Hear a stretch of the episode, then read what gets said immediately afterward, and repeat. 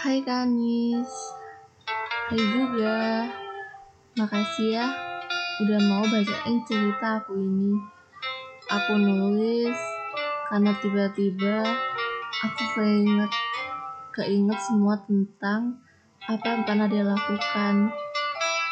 Rasa yang pernah ada Tapi tiba-tiba Langsung hilang dibuatnya Aku mengenalnya dari satu media sosial Facebook pada tanggal 20 Maret pertama aku kali aku mengenalnya.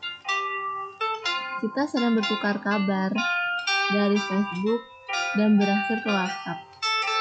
Dia sering memberikanku perhatian, memberikanku banyak kasih sayang. Lama-lama aku merasa nyaman dengannya ia menerimaku apa adanya. Tidak banyak menuntut seperti cowok yang pernah aku kenal sebelumnya. Aku sempat berpikir bahwa dia adalah orang yang tepat untukku. Pada akhirnya, dia mengungkapkan bahwa dia menyayangiku, dia mencintaiku. Aku pada saat itu bahagia banget. Ternyata Rasa cintaku tidak bertepuk sebelah tangan. Dia juga mencintaiku. Rasanya senang banget. Kita tapi hubungan ka, hubungan kami makin lama makin dekat. Tapi kita nggak pacaran. Hidupku setelah ada dia berubah banget. Aku yang suka senyum-senyum sendiri ataupun ketawa-ketawa sendiri seperti orang gila. Aku seperti tidak mengenali diriku sendiri. Rara yang biasanya cuek dan pendiam, sekarang menjadi Rara yang cerewet dan banyak tersenyum. Aku tidak pernah bertemu dengannya, bahkan video call dan teleponan saja tidak. Dia orang cukup misterius bagiku. Berapa bulan tidak ada kabar darinya. Aku mencoba mengirim pesan kepadanya, menanyakan ke mana saja dia. Hingga pada akhirnya lima, bu lima bulan berlalu. Akhirnya dia muncul. Dia memberitahuku bahwa dia habis kecelakaan, kakinya lumpuh sementara. Aku yang pada saat itu membaca chatnya pun kaget.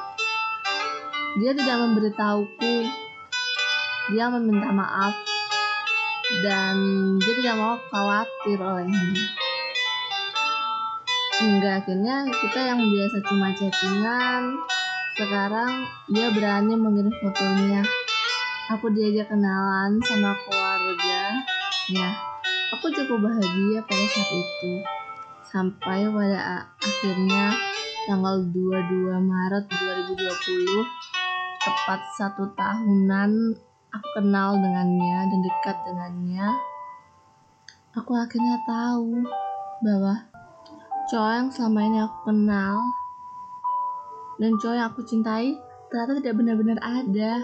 Dia hanya ilusi, ilusi yang dibuat seseorang. Kecewa, sakit hati rasanya saat tahu cowok yang aku cintai ternyata tidak benar-benar ada. Dia hanya bayangan Tapi ini salahku juga. Kenapa aku bisa jatuh cinta sama orang yang gak pernah aku jumpai? Aku terlalu mudah baper sama seseorang. Terlalu mudah jatuh cinta. Ah, aku cuma bisa menangis di dalam kegelapan ini. Aku bingung. Emang gini ya rasanya cinta sama virtual. Sakit banget, kecewa memang benar. Virtual tuh nggak nyata.